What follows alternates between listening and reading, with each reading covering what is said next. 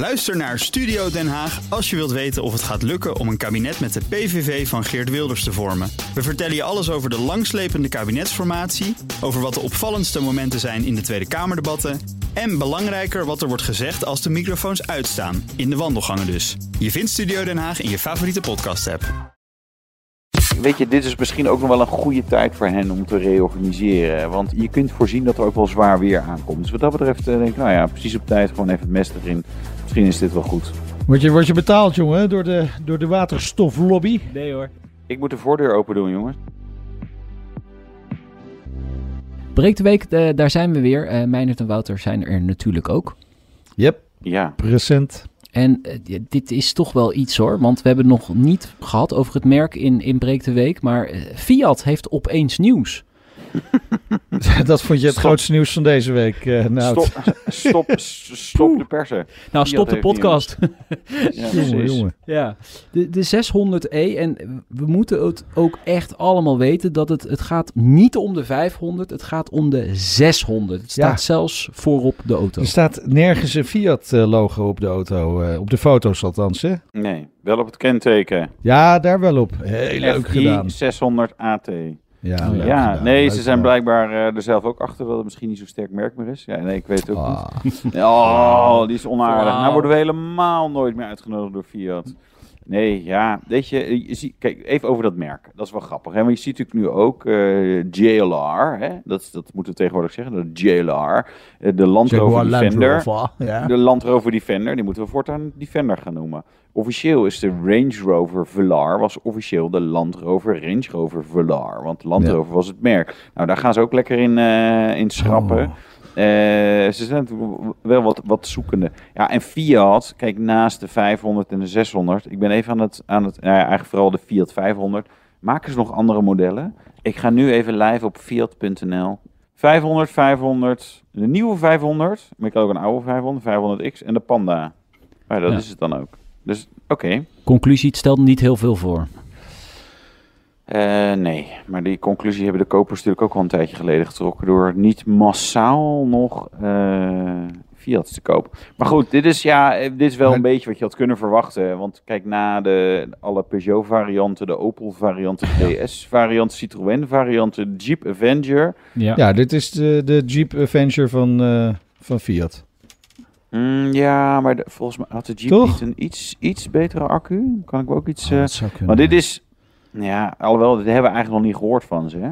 Nee. Eh, maar het is wel zo met al die Stellantis EV's. ehm, op vakantie in eigen land is het beste idee. Want ze hebben niet enorm grote accu's, ze kunnen niet enorm snel laden. Eh, maar ja, ze zijn wel redelijk betaalbaar. Dus dat, Ja. dat is jullie toekomst, jongens. Je rijdt er heel stijlvol bij in je Fiat 600e. Maar eh, je kan eigenlijk nergens naartoe. Ja, maar dat is wat je zegt, heel stijlvol. Hè? Want ik, ik vind hem er best leuk uitzien. Ja. Zeker, zeker die foto eh, van de zijkant, een beetje van bovenaf. Kreeg ik een ja, heel, heel klein, klein vleugje Porsche Macan. Maar heel klein, hè? Heel klein. Ja. Maar dat wel even van, hey, hey. Ik, ik, zal het de, de, ik zal de Porsche Macan-rijders dit niet vertellen dat jij dit hebt gezegd. Want anders dan... eh, dan ik probeer dit meer ook heel klein te houden. Ik probeer het echt klein. heel klein te houden. Nee, nee, maar, maar, eh, hij- hij- ja, hij, hij ziet er, hij ziet er wel eh, aardig uit. de Eh, voor- nee, dat zeker. heeft ook wel een geinig snuitje, moet ik zeggen. Ja, nou ja, Een Fiat beetje- 500e, maar dan eh, groter is het eigenlijk. Hè? Ja. Ja, Ja. ja, ik zie Nout vooral zo enthousiast reageren. Hoorden jullie dat ook? Dit is Dus wel de, de family car voor Nout dit. Ja. Van de een toekomst. auto die je in het echt even moet zien. Wanneer komt hij dan? Geen idee. Nou, Geen idee. Nee. Wat we wel weten is dat Volkswagen eh, enorm moet reorganiseren. Ja, het is uitgelekt. Ja, dus Ja. mo- we moeten niks, zodat eh, het schijnen de plannen te zijn. Nou ja, kijk, de, de, de concurrentie neemt toe.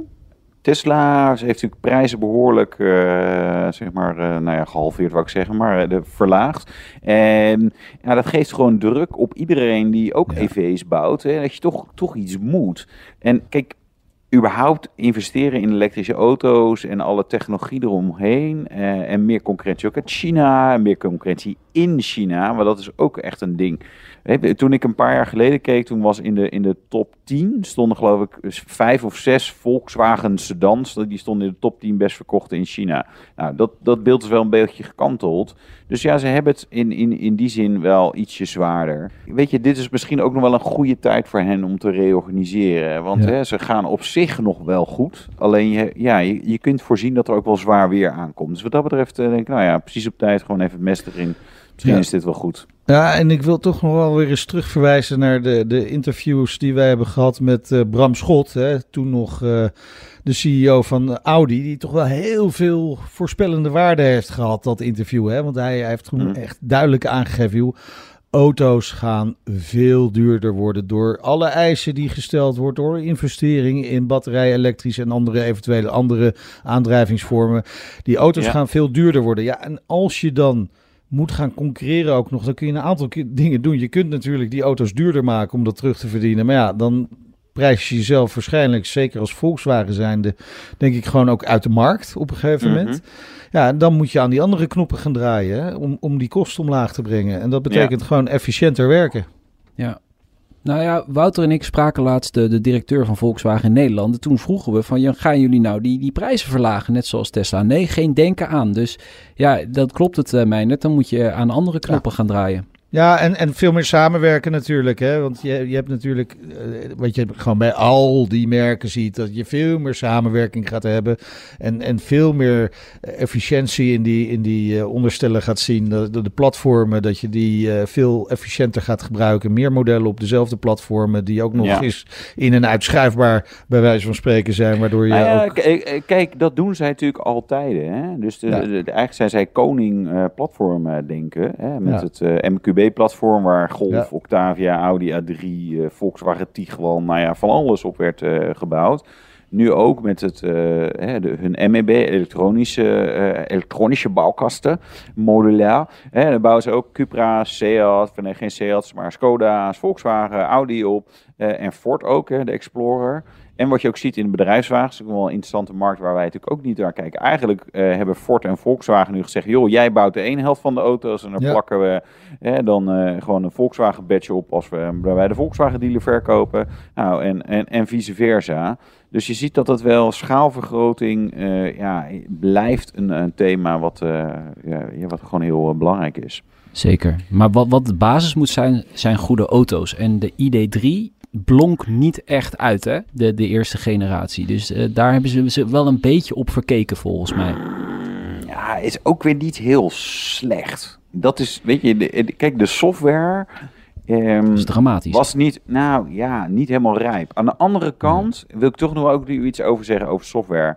Want er wordt natuurlijk heel hard geroepen, ja, de Chinezen komen en, nou, en, die, uh, en Tesla met software. Nou, ik, weet je, eh, Google is op, op Tesla een softwareprobleem. Hè? Als je je autopilot aanzet, dan gaan je ruitenwissers permanent aan. dat soort dingen. Maar ook, ik heb, ik heb, de recent, ik heb best wel wat Chinese auto's gereden. En heel vaak krijg je erbij, ja, dit is nog niet af voor de Europese markt. Hè? Bijvoorbeeld zelfrijdende functies. En NIO was zo'n voorbeeld. Ja, dit is nog niet gecalibreerd op de Europese wegen. En ik denk, nou, hoezo zijn die anders dan de Chinese wegen? Volgens mij hebben we ook gewoon asfalt, lijnen, dingen waar je niet tegenaan moet rijden. Zoals andere weggebruikers, lantaarnpalen, bomen. Dingen waar je niet in wil rijden, sloten. weet je, het is gewoon een enorme frame natuurlijk. Ja, ja dat lijkt, weet je, en dan zie je dat ze eigenlijk alle fabrikanten op een paar uitzonderingen na het qua software best zwaar hebben. Ja. Hè?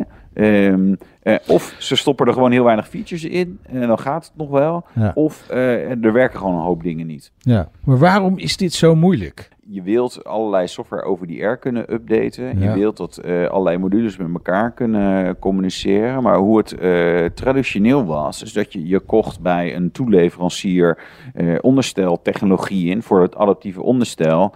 Nou, dat, dan krijg je zeg maar vier poten plus een software dingetje plus een zooitje chips. Nou, bouw maar ergens in. En, en op deze manier moet je het aanroepen. En dan kon je dan ergens met een knop of je het infotainment systeem en dat, dat doen. En op het moment dat je meer wil integreren... Uh, nou ja, eh, gaat dat lastiger. Dus wat al die fabrikanten toch mee bezig zijn, is hun eigen software schrijven. En, en ja, hier wordt het heel simpel. Jij, en ik kijken ook wel eens naar dingen en denken, nou, hoe ingewikkeld kan het zijn om dit te doen? En dan ga je het doen en denk je, ja, dus, ja blijkbaar is het toch een vak. Zo, zoals je huis schilderen of zo, dat je denkt, ja, hoe moeilijk kan het zijn? Nou, toch nog best moeilijk. dat is een beetje, met software is het dat, en, dan- en dan in het kwadraat, en dan nog een keer in het kwadraat. Ja, ik vind denkt, ja, schilderen, met het huis schilderen, je moet altijd zo lang wachten, weet je wel. Dat vind ik altijd een beetje moeilijk. Ik wil het gewoon, voordat je uiteindelijk die kleur erop hebt, eh, dan eh, moet je zoveel voorwerk doen. Zeker bij hout. En dat is de Ja. ellende, daar heb ik nooit zin in. En dat is misschien Ja. met dat software gebeuren ook wel, dat ze gewoon geen zin hebben om al dat voorwerk, dat schuren en afplakken en zo, dat te willen doen. En gewoon gelijk die feature erop eh, willen hebben. En ja, dat je hem nog niet helemaal goed kunt bereiken, ja, dat is een tweede zaak. Het past ook wel een beetje in softwareland, hè, dat het eh, minimal, minimum viable product eh, neerzetten. Terwijl dat Eh, bij. Autoland is dat natuurlijk eigenlijk wel anders. Dat je gewoon gewend bent dat het meeste het wel gewoon goed doet als je Ja. gaat rijden. Ja.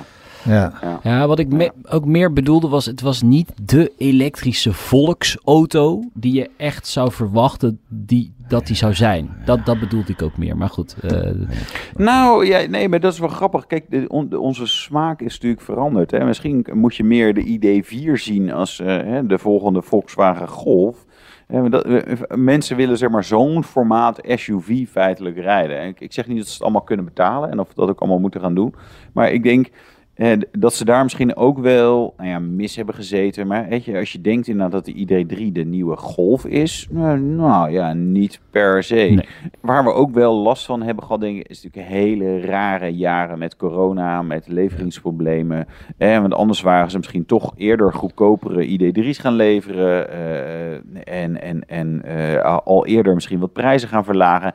Dus er zitten ook wel rare ontwikkelingen omheen, waardoor je toch ook niet helemaal dat vergelijk goed kan trekken. Is dit een Europees probleem? Hè? Dat, dat zij zo moeten reorganiseren, de Volkswagen. Gaan we dit bij meer merken zien? Eh, is dit echt voor Europa of gaat Amerika Nou, ook? Die namens hebben de al wel een klap gehad, volgens mij. Ja, namens de Franse en Italiaanse vakbonden kan ik eh, melden dat het eh, daar niet wordt gereorganiseerd. Alleen in Nederland krijgen we Ja. het voor elkaar. Hè? Ja. Dus, ja, schoppen ze er gewoon uit, gaan ze een keertje staken. Ja. En, nou, oh nee, alles vanaf. Born gaat staken voordat er eh, gereorganiseerd wordt. Ja, ja. precies. Nee, nou ja, weet je, ehm, ehm, de- de- er, er- er, er is natuurlijk al fors gereorganiseerd en ook gesneden in het aanbod. Bijvoorbeeld, kijk, als je naar Ford kijkt, zo'n aardig voorbeeld. Ja, eh, wat, hè, wat waren eh, de, de, de meest bereikbare en daarmee ook meest verkochte Fords? Hè? De Focus, de Fiesta. Nou, welke kan je straks niet meer kopen? Nou, de Focus, de Fiesta. Dus die, gaan, die schuiven al enorm op naar hele andere auto's. Eh, en nou, we hadden het net over samenwerkingsverband met Volkswagen, ook voor bedrijfsauto's. Ja, de, weet je, ze zijn eigenlijk natuurlijk continu allemaal in beweging. Ja. en in Amerika, kijk, daar zit ze een hele rare situatie. Die Ford F-150, hè, die pick-up, meest verkochte auto eh, eh, daar, was er ooit ter wereld, is nu de Tesla Model Y natuurlijk. Dat is, daar verdienen ze zoveel geld aan, eh, Ford. Ja, ja, de enorme cash cow. Maar daarmee natuurlijk ook kritisch als er daar wel een keer, weet je, als je de volgende generatie F-150 toch wat minder gaat, of die pick-up markt wordt toch anders. Ja, gaat dan wel even, even duren natuurlijk. Maar weet je, dat is. ehm, dus die, die hebben voorlopig nog wel even geld om door te gaan. Eh, aan de andere kant ja, moeten die ook zeg maar, blijven nadenken over wat hun eventuele volgende stap is. Omdat het gewoon, ja, het is, het is een extreem volatiele markt. zeker, Dat zeg zeker. ik dat weer mooi. hè? Volgende stap, waterstof. Even aantippen. Ehm, Ja, wil jij graag. Je wilt het continu over waterstof. Nou, Word je, word je betaald, jongen, door de, door de waterstoflobby? nee hoor. Door Shell en BP. Ja, Ja, precies. ja. Ik zou niet durven. Nee, ehm, eh, Rolls-Royce, interessant eh, berichtje. Eh, Rolls-Royce eh, overweegt rijden op waterstof. Omdat ze eh, de batterijen die ze moeten Ja. gebruiken, die zijn veel te groot. en veel te zwaar. Een Rolls heeft ook wel ruimte natuurlijk, Ja. voor zo'n tankje. Nou ja, maar ook voor accu's zou je dan denken. Maar dan toch eh, eh, niet, niet, niet helemaal eh, wat, wat zij willen. Ja, weet je, kijk, Rolls-Royce, onderdeel van BMW. En BMW doet nu ook weer waterstofdingen. Dus Ja. in die zin, in, dat, in dit licht ver- verbaast het mij niet. Aan de andere kant denk ik, ja, nou ja, hè, we zullen het wel zien. Of zij daadwerkelijk een waterstofauto gaan uitbrengen. Nee, voorlopig, dat is een technologie die echt gewoon helemaal nog niet rijp is voor productie.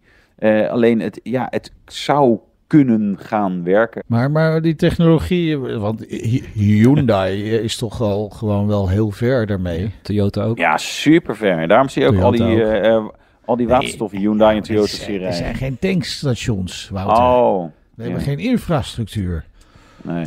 Maar als zij er zo in geloven, dan moet je net een beetje Tesla-model. eh, gewoon, dan zet je gewoon eigen waterstof tankstations neer. Hè, dat heeft Tesla ook gedaan Ja. met superchargers. Joh, dat is het Ja. probleem. Oké, dat, Maar, waar- maar dat, dat, dat doen ze natuurlijk gewoon niet in Nederland. Want Nederland is prima geschikt voor batterij-elektrische auto's in principe. Dus Ja. En bovendien zit de lobby hier boven, eh, vol op batterij elektrisch. Dus ik denk dat je, ja, eh, in Japan eh, zul je dat best wel zien en in Zuid-Korea. Ja, dus daar moeten we maar eens even gaan kijken. En Duitsland Ja. is toch ook wel behoorlijk wat eh waterstoftankstations aan de, uit de grond aan het pompen. Wel Ja. een paar, ja. In ieder geval meer dan hier in Nederland. ja. Dat is niet zo moeilijk. ja. Nee, Ja. dat is waar.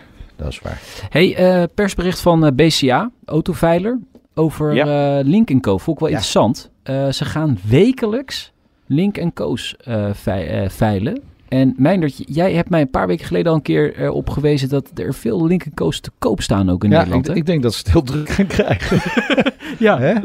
Als er tenminste mensen geïnteresseerd zijn daarin. Hè? Dat, eh, of als partijen daarin geïnteresseerd zijn. Nee, maar het viel mij op. Hè, ik bedoel, in mijn oneindige zoektocht naar ooit een keer een nieuwe auto. Waarvan Wout vindt dat het veel te langzaam gaat. Maar hè, de jacht is soms mooier dan de vangst, Wouter. Maar ja. Nee, dat is gewoon een slap excuus inderdaad. Maar eh, eh, zat ik weer eens eh, op een site van een Vol- Volvo-dealer te kijken. En daar zag ik toch wel ontzettend veel Lincoln Co. staan. Dus ik dacht van, goh, waar komt dat toch? Maar dat heeft ook te maken natuurlijk met het feit dat iedereen die een abonnement eh, aangaat, die krijgt een nieuwe. Hè? Ja, ja. en als ze dan stoppen, wat moet je er dan mee? Dus verkopen. ja, verkopen ja. Maar kennelijk, kennelijk gaat dat toch blijkbaar niet zo makkelijk. Of zie ik dat verkeerd? Ja, ik durf het niet te zeggen. Eh, daarvoor zouden we die marktes moeten gaan volgen. Van, ja, wat gebeurt er met die... eh, ik, ik, zie, ik zit even te kijken naar het uh, tweedehands linkerkoos. Ja, je wint er wel, wel wat. Kijk, aan de andere kant is een nieuwe zo goedkoop. Waarom zouden we dan in godsnaam tweedehands kopen? Kijk, Linkerco, ik vind het hele concept super mooi. Maar iedereen zegt er altijd achterin: ja, nou, die gaan wel goed, hè. Maar ja, het kan natuurlijk niet uit. Want hè, als je die business case doorrekent, gewoon zo'n auto op de weg zet, wegenbelasting eraf. Nou, die zit er niet zoveel op. Maar verzekering, een beetje afschrijving, een beetje onderhoud, een beetje risicopotje. Nou, noem maar, maar op. En, en er, moet, er moet allemaal gemanaged worden. Uh, dan zou het niet moeten uitkunnen qua prijs. En dat zit vooral bijvoorbeeld ook in afschrijving.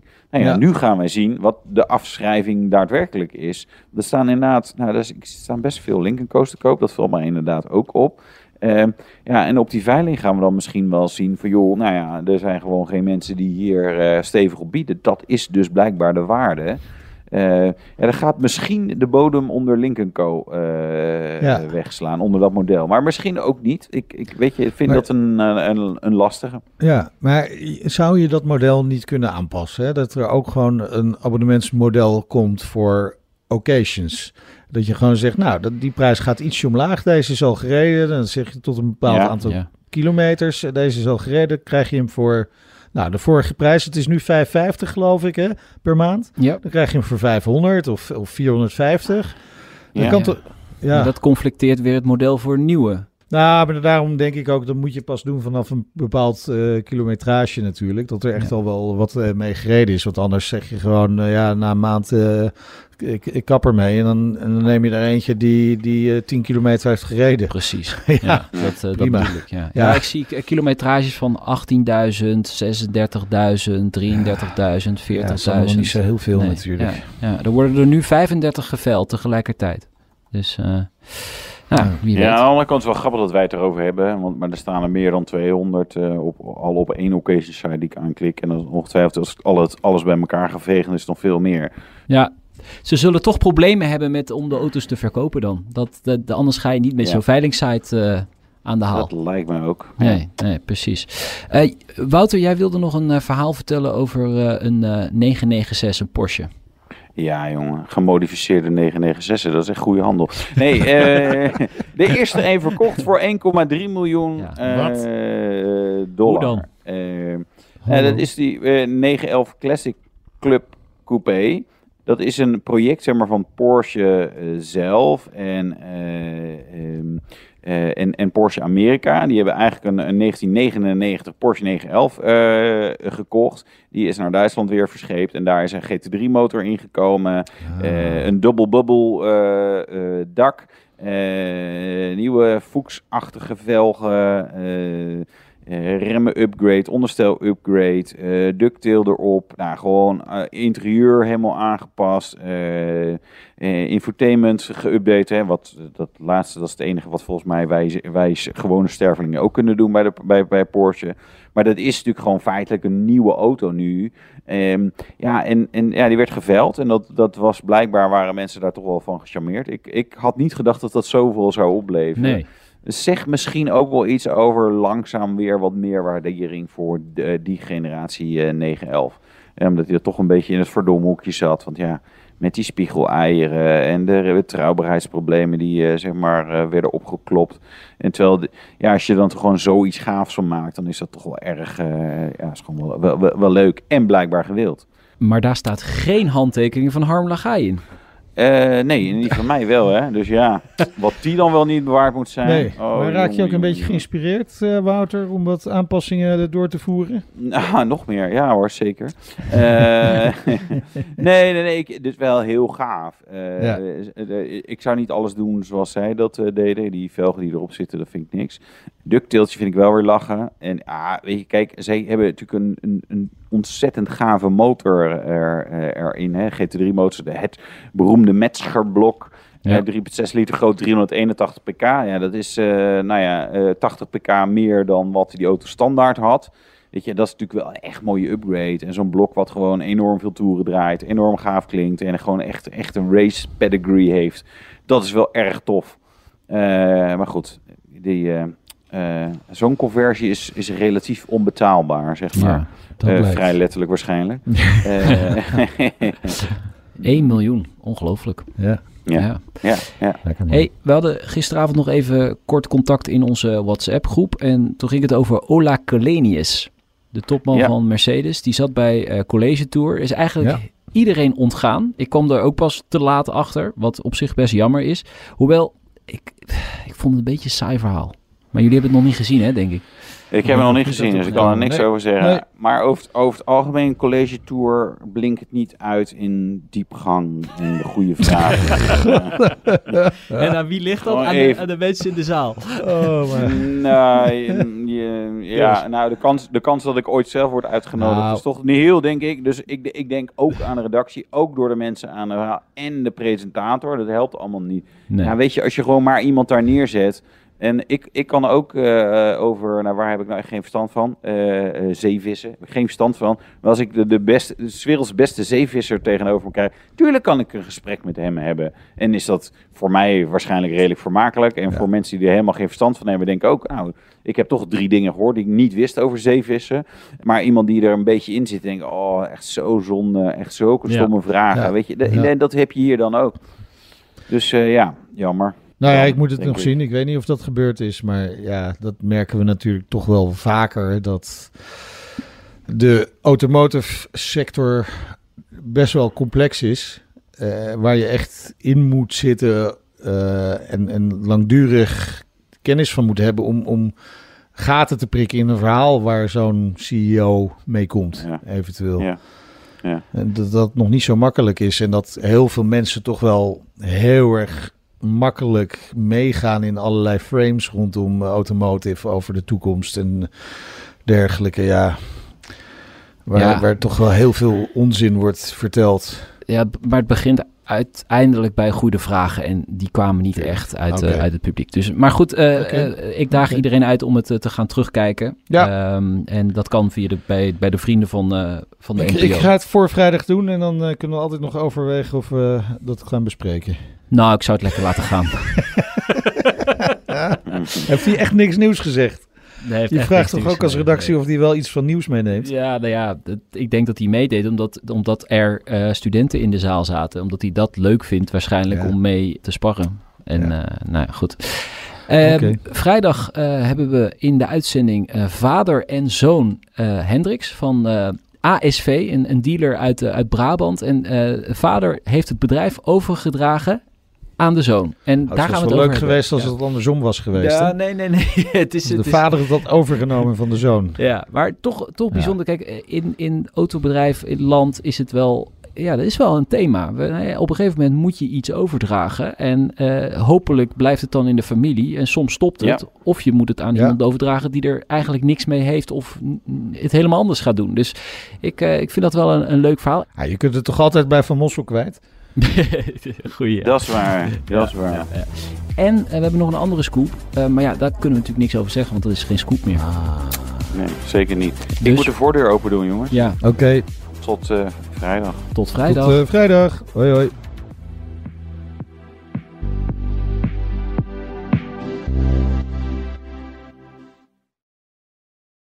Ook Hugo Reitsma vind je in de BNR-app. Superhandig die BNR-app. Je kunt alle programma's live luisteren, breaking nieuwsmeldingen. Je blijft op de hoogte van het laatste zakelijke nieuws. En je vindt er alle BNR-podcasts, waaronder natuurlijk de belangrijkste, Boeken zijn in de wijk.